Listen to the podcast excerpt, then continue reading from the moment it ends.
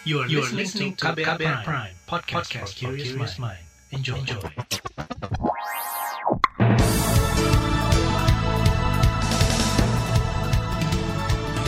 Halo, selamat pagi saudara. Inilah buletin pagi hari ini, edisi 8 Juli 2021. Saya Reski Mesanto menyapa Anda dan sekaligus ingin menjadi teman Anda pagi hari ini untuk memulai beraktivitas dengan sejumlah informasi yang telah kami siapkan untuk Anda pagi hari ini. Di antaranya, pemerintah diminta perjelas aturan PPKM darurat sebelum diperluas. Anggota DPR wacanakan penggunaan hak interpelasi penanganan COVID-19 dan korban pesimis pemerintah tuntaskan peristiwa biak berdarah. Dan saudara, inilah Buletin Pagi selengkapnya. Terbaru di Buletin Pagi. Saudara, pemerintah pusat mengingatkan pada kepala daerah, TNI, Polri, Satpol PP, dan seluruh petugas di lapangan agar menerjemahkan dan mengimplementasikan dengan baik aturan pelaksanaan pemberlakuan pembatasan kegiatan masyarakat atau PPKM darurat di Jawa, Bali.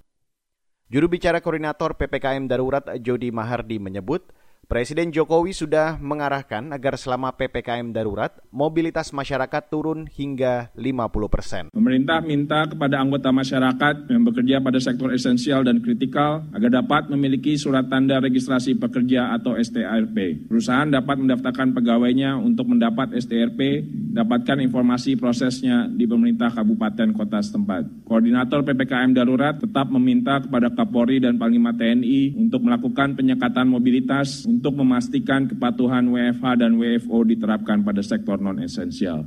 Juru bicara koordinator PPKM Darurat Jody Mahardi mengatakan, pengetatan kegiatan masyarakat dilakukan guna mencegah kesakitan dan kematian akibat COVID-19 serta menjaga keberlangsungan pelayanan kesehatan. Selama pelaksanaan PPKM darurat, masyarakat diminta untuk bekerja di rumah kecuali untuk sektor usaha esensial dan kritikal. Sementara itu, saudara kepolisian mengakui ada sebagian anggotanya yang belum paham aturan PPKM darurat saat awal-awal pelaksanaan.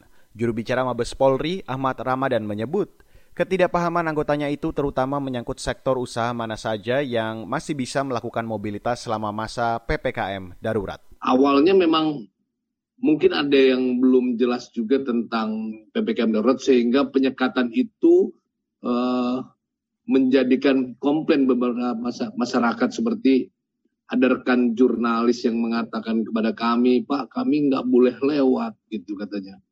Padahal kami kan termasuk sektor esensial. Nah, itu artinya aparat pun masih ada satu dua yang belum memahami. Juru bicara Mabes Polri Ahmad Ramadan menambahkan, tidak hanya aparat, masyarakat pun masih banyak yang belum paham terkait aturan PPKM darurat. Hal ini sempat menimbulkan perdebatan antara warga dengan aparat di lapangan saat penyekatan jalan. Saudara, pemerintah saat ini bakal merevisi aturan terkait kriteria sektor perkantoran esensial dan kritikal yang diperbolehkan memperkerjakan karyawan di kantor. Gubernur DKI Jakarta Anies Baswedan mengatakan hal itu setelah mengikuti rapat dengan koordinator PPKM Darurat Jawa Bali, Luhut Panjaitan pada Rabu kemarin. Rapat juga diikuti Menteri Dalam Negeri Tito Karnavian, para gubernur, Kapolda, dan Panglima Kodam sejawa Bali. Dalam rapat tersebut rencananya ada revisi kriteria sektor usaha esensial yang bisa mempekerjakan karyawan di kantor hingga 50 persen. Di antaranya sektor keuangan, perbankan, asuransi, teknologi informatika dan komunikasi, pos, pekerja media hingga industri orientasi ekspor. Sedangkan sektor kritikal yang dapat mengoperasikan 100% karyawannya antara lain sektor kesehatan, keamanan, ketertiban masyarakat, dan energi. Anies mengatakan perubahan kriteria akan segera diumumkan ke publik. Setelah diumumkan, Anies meminta agar tiap perusahaan menyesuaikan diri dengan kriteria itu. Apakah masuk sektor esensial yang boleh bekerja di kantor atau di luar kriteria? Sebelumnya, saat awal pelaksanaan PPKM darurat di Jakarta, ada lebih dari 100 perusahaan di luar sektor esensial yang melanggar PPKM darurat dan masih memperkerjakan karyawan ke kantor. Sementara saudara, di daerah istimewa Yogyakarta, mobilitas masyarakat di provinsi itu masih tinggi. Meski kebijakan pemberlakuan pengetatan kegiatan masyarakat atau PPKM darurat telah berjalan selama lima hari. Menurut Kepala Satuan Polisi Pamong Praja DIY Novia Rahmat, penurunan mobilitas hanya berkisar hingga 15 persen dari sebelum diterapkannya PPKM darurat. Eh, terkait dengan patuhan masyarakat terkait dengan aturan yang ada di dalam ppkm darurat itu masih uh, kami nilai masih cukup rendah ya. Apalagi hasil evaluasi Uh, kemarin kami juga mendampingi Pak Gubernur untuk melakukan evaluasi terkait dengan pelaksanaan PPKM darurat, ternyata mobilitas masyarakat di Jogja itu baru berkurang antara 13 sampai dengan 15 persen. Kepala Satpol PP Yogyakarta Noviar menambahkan, timnya telah menangani lebih 600 kasus pelanggaran dalam lima hari penerapan PPKM darurat. Pelanggaran melibatkan hampir 400 unit usaha, 200-an rumah makan dan restoran serta sejumlah tempat bisnis. Sementara itu, pemerintah mempertimbangkan untuk memperluas pelaksanaan PPKM darurat di luar Jawa Bali. Ketua Komite Penanganan COVID-19 dan Pemulihan Ekonomi Nasional Erlangga Tarto mengatakan, PPKM darurat kemungkinan bakal diberlakukan juga di 43 kabupaten kota di 20 provinsi di luar Jawa Bali.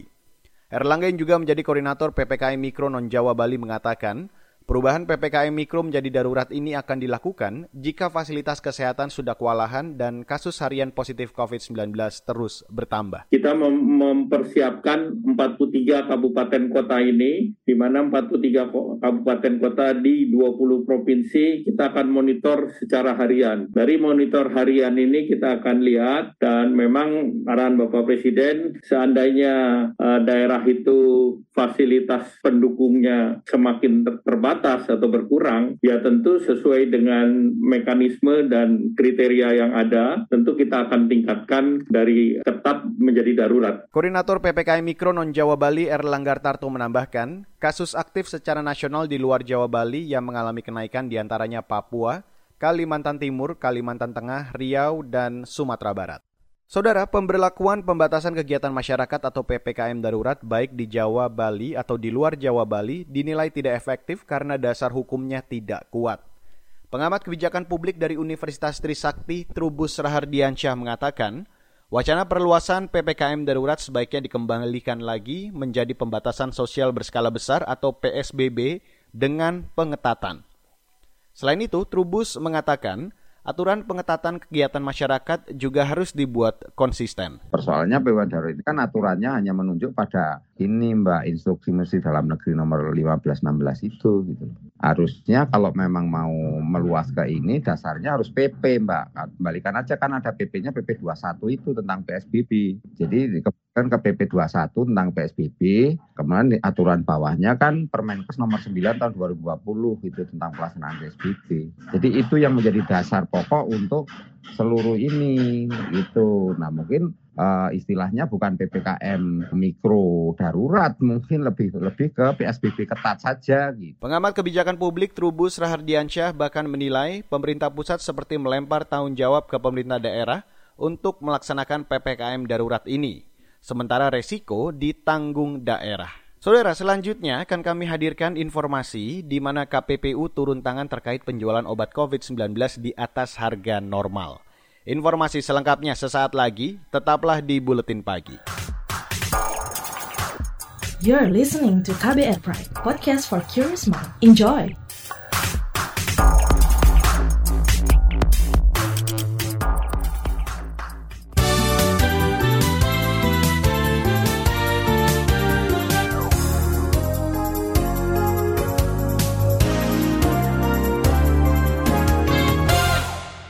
Saudara, Anda sedang mendengarkan Buletin Pagi KBR. DPR membuka kemungkinan akan menggunakan hak interpelasi atau meminta kejelasan dari pemerintah terkait penanganan pandemi COVID-19. Anggota Komisi Bidang Pemerintahan di DPR, Mardani Alisera, mengatakan, hak interpelasi bisa saja digunakan karena langkah pemerintah dalam menangani pandemi virus corona selama lebih dari setahun ini tidak terukur dan tidak jelas. Terbukti dari kolapsnya fungsi layanan kesehatan di rumah sakit rujukan COVID-19. Dan itu bagian dari fungsi pengawasan DPR dan DPR harus menegaskan karena di kita secara tata negara tidak ada koalisi oposisi yang ada eksekutif legislatif karena kita kan ke presidensial sehingga fungsi DPR dari partai mana pun harus menegakkan fungsi pengawasan. Anggota Komisi Bidang Pemerintahan di DPR, Mardani Alisera menambahkan, Pemerintah juga dinilai gagal menyusun langkah antisipasi terkait lonjakan kasus COVID-19. Padahal sebelumnya, potensi lonjakan kasus itu sudah diperkirakan lebih dulu oleh Kementerian Kesehatan. Mardani menyebut pemerintah amburadul dalam menangani pandemi COVID-19. Sementara itu, Saudara, Komisi Pengawas Persaingan Usaha atau KPPU bakal memanggil dan memeriksa para pelaku usaha yang menaikkan harga jual obat-obatan melebihi harga eceran tertinggi atau HET di masa pandemi COVID-19. Wakil Ketua KPPU Guntur Syahputra Saragi mengatakan, kebijakan itu bakal diambil setelah harga obat untuk terapi penyembuhan pasien terinfeksi COVID-19 di pasaran naik berlipat ganda. Kalau tadi yang dilakukan oleh teman-teman adalah pemantauan, penelaahan, dan kami sudah memutuskan per hari ini tadi pukul 11 lebih, ini untuk masuk penegakan hukum dan kita akan melakukan pemanggilan. Wakil Ketua KPPU Guntur Syahputra Saragi menambahkan, lembaganya punya kewenangan menelisik dugaan pelanggaran persaingan usaha. Pelanggaran itu bisa saja dilakukan di tingkat produsen, penyalur, atau distributor obat-obatan COVID-19. Sementara itu, Direktur Ekonomi KPPU M. Zulfirmansyah mengklaim sudah melakukan pemantauan di tujuh kantor wilayah sejak pekan pertama pelaksanaan PPKM darurat. Zulfirmansyah juga menyebut ada kelompok besar pelaku usaha oksigen yang kini juga mendapat perhatian khusus KPPU. Kita beralih ke informasi ekonomi, saudara. Platform jual beli daring atau e-commerce mulai mendominasi perkembangan digital di Indonesia. Menteri Perdagangan Muhammad Lutfi mengatakan, Dominasi itu dilihat dari kontribusinya terhadap nilai ekonomi digital secara nasional. Kalau kita lihat daripada digitalisasi daripada kehidupan kita, kita bisa melihat sekarang bahwa e-commerce itu tumbuh dari 302 triliun gitu ya di tahun 2019 tumbuh menjadi 1.178 triliun atau naik kira-kira hampir empat kali lipat dalam waktu enam tahun di tahun 2025 dan itu akan hampir double di tahun 2030 menjadi 1.900 triliun. Menteri Perdagangan Muhammad Lutfi menyatakan nilai ekonomi dari e-commerce kebanyakan disumbang dari pasar lokal. Lutfi menambahkan, pertumbuhan ekonomi digital juga menjadi bagian penting dari perekonomian Indonesia, terutama di masa pandemi seperti saat ini. Kita beralih ke informasi mancanegara, saudara. Pemerintah negara bagian New South Wales, Australia memperpanjang penguncian wilayah atau lockdown di ibu kota Sydney selama sepekan. Perpanjangan lockdown ini untuk menekan kasus infeksi virus corona varian Delta yang tengah merebak di sana.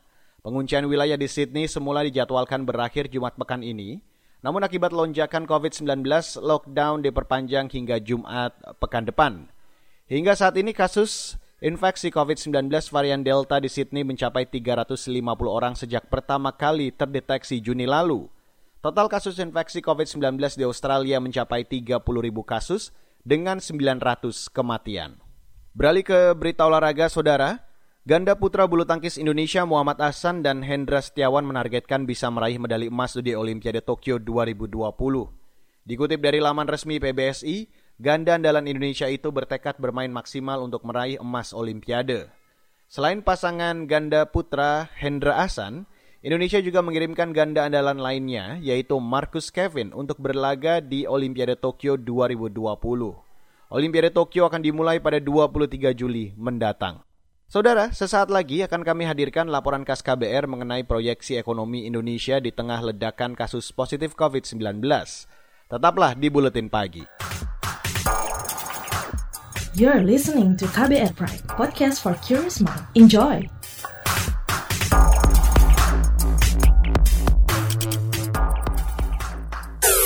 Commercial break. Transfer ke sini udah, bayar ini juga udah. Ke gue udah. Heh, Allah, pertumbuhan ekonomi tuh lagi melambat, persis kayak tabungan gue. Betul banget harus matang ngelola keuangan. Pengennya tuh investasi sesuatu gitu ya. Apa gitu yang cocok dan menguntungkan? Hmm, coba dengerin uang bicara deh. Gue belakangan lagi dengerin podcast itu di KBR Prime. Reksadana yang tadinya 500 juta udah turun dari 250 juta sekarang 10 ribu. Sama kita ngopi, mahalan mana? Ketika itu ada keputusan yang kayak begitu, investor harus tahu gitu, oh ada keputusan ini berarti implikasinya apa? Orang mungkin perluas literasi kamu lewat podcast Uang Bicara. Uang Bicara menavigasi kamu dengan menghadirkan bahasan-bahasan seru dan populer mulai dari investasi sampai kebijakan.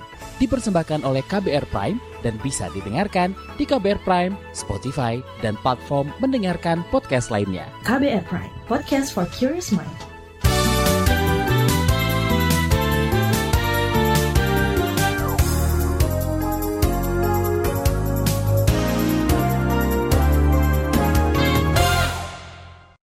Anda masih bergabung bersama kami di Buletin Pagi hari ini. Saudara, pemerintah kembali merevisi proyeksi pertumbuhan ekonomi. Target dan proyeksi yang semula dipasang tinggi diturunkan karena kondisi pandemi yang memburuk. Disiplin menaati aturan PPKM darurat dinilai jadi kunci supaya penanganan pandemi segera membaik dan aktivitas perekonomian bisa kembali berjalan. Berikut saya hadirkan laporan khas KBR yang disusun Astri Septiani. Pemerintah merevisi lagi proyeksi pertumbuhan ekonomi nasional sepanjang tahun ini. Angkanya berkisar antara 3,7 hingga 4,5 persen atau lebih rendah dari perkiraan sebelumnya yang di kisaran 4,5 persen sampai 5,3 persen. Ketua Penanganan COVID-19 dan Pemulihan Ekonomi Nasional KPCPEN Airlangga Hartarto menyebutkan, prediksi itu sudah dipertimbangkan dengan melihat berbagai situasi pembatasan aktivitas seperti PPKM darurat sejauh Bali serta PPKM mikro luar Jawa Bali guna menekan laju kasus COVID-19. Eh, kita masih optimis bahwa di kuartal kedua ini pertumbuhan 7% masih bisa dicapai sehingga secara agregat nanti di semester 1 di level antara 3,3 persen pertumbuhannya. Nah sampai akhir tahun kita melihat proyeksinya secara konservatif sekitar 3,7 persen dan bisa sampai ke 4,4 atau 4,5 persen. Airlangga Hartarto menambahkan pemerintah akan merevisi pertumbuhan ekonomi tergantung seberapa jauh varian COVID-19 Delta bisa tertangani secara baik. Pemerintah utamanya menitik beratkan fokus penanganan yang terjadi di Jawa karena kontribusi terhadap produk domestik bruto atau PDB mencapai 60 persen. Menurunnya optimisme juga terjadi di sektor keuangan. Otoritas Jasa Keuangan atau OJK mengakui turunnya optimisme pertumbuhan kredit akibat pemberlakuan PPKM darurat. Ketua Komisioner OJK Wimbo Santoso memproyeksikan pertumbuhan kredit sepanjang tahun ini di kisaran 6 persen plus minus 1. Proyeksi yang tentunya tidak seoptimis nah, sebelumnya. Ya, kita kredit kita perkirakan akan tumbuh, ya tetap tumbuh di 2021.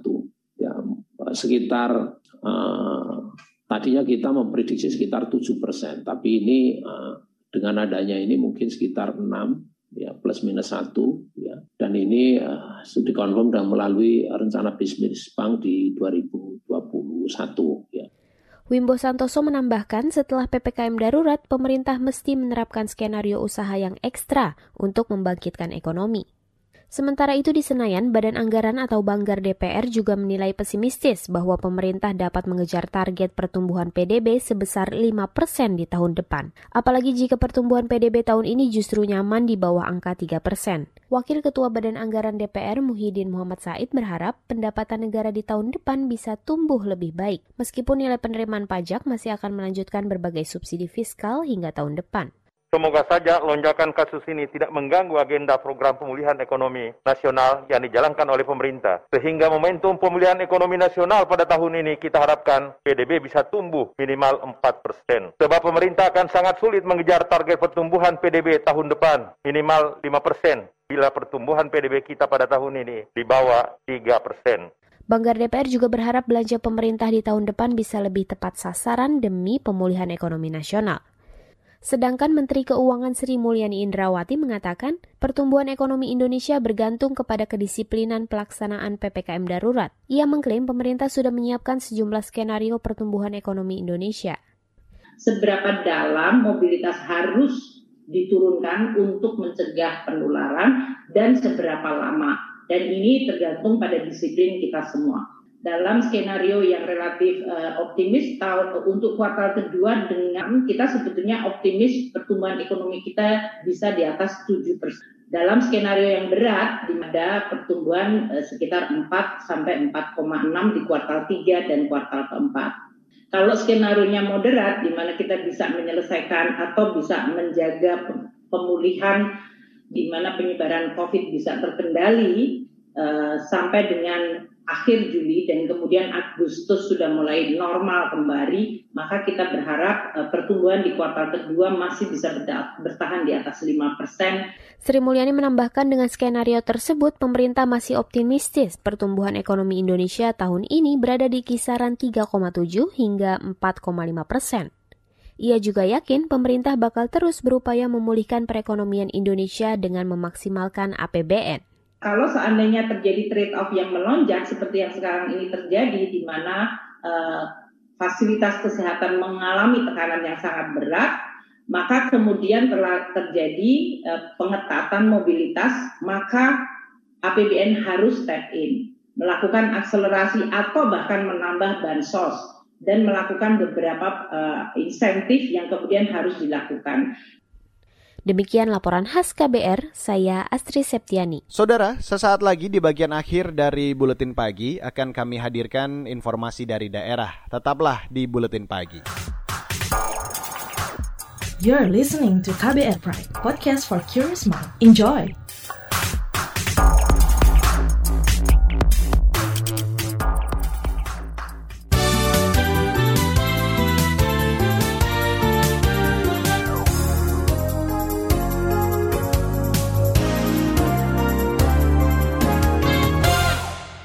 Dan inilah bagian akhir dari buletin pagi hari ini. Kita ke Papua, saudara. Masyarakat di Papua terus mendesak agar pemerintah segera menuntaskan kasus pelanggaran hak asasi manusia atau HAM berat biak berdarah 1998. Salah satu korban peristiwa biak berdarah, Philip Karma, mengatakan, selama 23 tahun sejak kasus pelanggaran HAM itu terjadi, pemerintah terkesan menutupi kasus itu hingga membuat warga trauma. Waktu itu baru saja selesai kejadian, mulai muncul banyak ditemukan jenazah-jenazah yang ini akhirnya turunlah Komnas HAM waktu itu. Itu malah saya disalah-salahkan. Jadi apa pun jawaban saya dia ah tidak ini begini gitu. Jadi seakan-akan dia yang tahu. Jadi dia mentahkan semua apa yang saya jawab. Padahal saya jawab sesuai kejadian Komnas HAM turun pun. Mereka pulang mereka katakan bahwa tidak ada pelanggaran HAM berat. Ya saya melihat bahwa dari awal negara berusaha menutupi itu. Jadi kalau negara sudah berbuat begitu ya saya pikir tidak ada yang bisa kita harapkan. Korban peristiwa biak berdarah Philip Karma juga menilai Komisi Nasional Hak Asasi Manusia atau Komnas HAM saat ini juga terlihat tidak serius menuntaskan kasus biak berdarah itu. Tragedi biak berdarah terjadi pada 1998 ketika itu tentara dan polisi membubarkan aksi massa. Puluhan orang tewas, luka, cacat seumur hidup hingga trauma berkepanjangan akibat peristiwa tersebut. Beralih ke Jawa Tengah, saudara. Pemerintah Kabupaten Cilacap, Jawa Tengah memperketat perbatasan dari Jawa Barat, yaitu jalur Pangandaran Patimuan dan kota Banjar Patroman, Dayuh Luhur. Pengetatan perbatasan itu untuk memaksimalkan pelaksanaan PPKM Darurat Jawa Bali. Kepala Dinas Perhubungan Cilacap, Tulus Wibowo mengatakan, pemerintah memeriksa kelengkapan dokumen pelintas seperti surat keterangan negatif, pemeriksaan antigen atau PCR, dan telah divaksinasi dosis pertama. Memang nggak ada penumpang ya. Kita tidak usah membatasi dengan 70 persen, paling okupansi rate-nya AKDP maupun antar kota paling 30 persen mas. Realitas hmm. sekarang yang ada. Kita sudah memberikan himbauan kepada para pengusaha angkutan. Di perbatasan yang kita periksa sesuai dengan surat edaran di Jenhubdat itu kan satu bagi mereka yang juga mereka tetap harus membawa rapid antigen atau PCR, surat keterangan sudah divaksin. Selain pengetatan wilayah perbatasan antar provinsi, Satgas COVID-19 Cilacap juga mendirikan posko di dua perbatasan antar kabupaten, yaitu Banyumas dan Kebumen untuk mengawasi pelaksanaan PPKM darurat. Kita beralih ke Aceh, Saudara. Banjir yang menerjang Aceh hari ini terus meluas. Sedikitnya ada 100 desa di lima kabupaten yang lumpuh diterjang banjir akibat curah hujan tinggi. Di antaranya di Aceh Jaya, Nagan Raya, Aceh Barat, Aceh Barat Daya, dan Aceh Selatan. Kepala Pelaksana Badan Penanggulangan Bencana Aceh atau BPBA Ilyas mengatakan, tim BPBD di masing-masing kabupaten sudah diinstruksikan mengevakuasi warga korban banjir. Yang paling penting kan ya, masyarakat yang pertama harus waspada kan? Pertama siap menghadapi bencana. Karena bencana ini kan bisa datang kapan saja kan gitu? Dan di mana saja ya. Kalau kita dari BPBA kan bisa memantau lewat kabupaten kota kan gitu kan. Kepala Pelaksana Badan Penanggulangan Bencana Aceh atau BPBA Ilyas juga mengimbau masyarakat mewaspadai ancaman gangguan cuaca ekstrim yang diprediksi terus berlanjut hingga beberapa hari mendatang. Banjir yang menerjang Aceh menyebabkan sejumlah infrastruktur pemerintah rusak, seperti jalan, jembatan, rumah ibadah, gedung sekolah, dan lainnya. Dan saudara informasi tadi sekaligus menutup buletin pagi untuk hari ini, edisi 8 Juli 2021. Jangan lupa untuk selalu memantau informasi terbaru melalui kabar baru setiap jamnya. Anda juga bisa mengunjungi website kami di kbr.id, official Twitter dari KBR di @beritaKBR, dan untuk Anda yang tertinggal siaran pagi hari ini, Anda kembali bisa mendengarkannya di podcast Buletin Pagi yang ada di KBR Prime, Spotify, dan platform mendengarkan podcast lainnya. Ingat selalu patuhi dan terapkan protokol kesehatan di mana pun Anda berada. Selain itu, apabila Anda tidak memiliki kebutuhan yang benar-benar mendesak atau Anda memungkinkan bekerja dari rumah, tetaplah di rumah. Mewakili tim redaksi yang bertugas pagi hari ini, saya Reski Mesanto undur diri. Salam.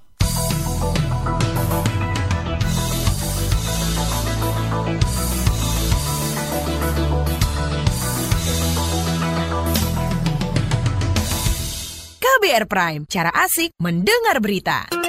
KBR Prime, podcast for curious mind.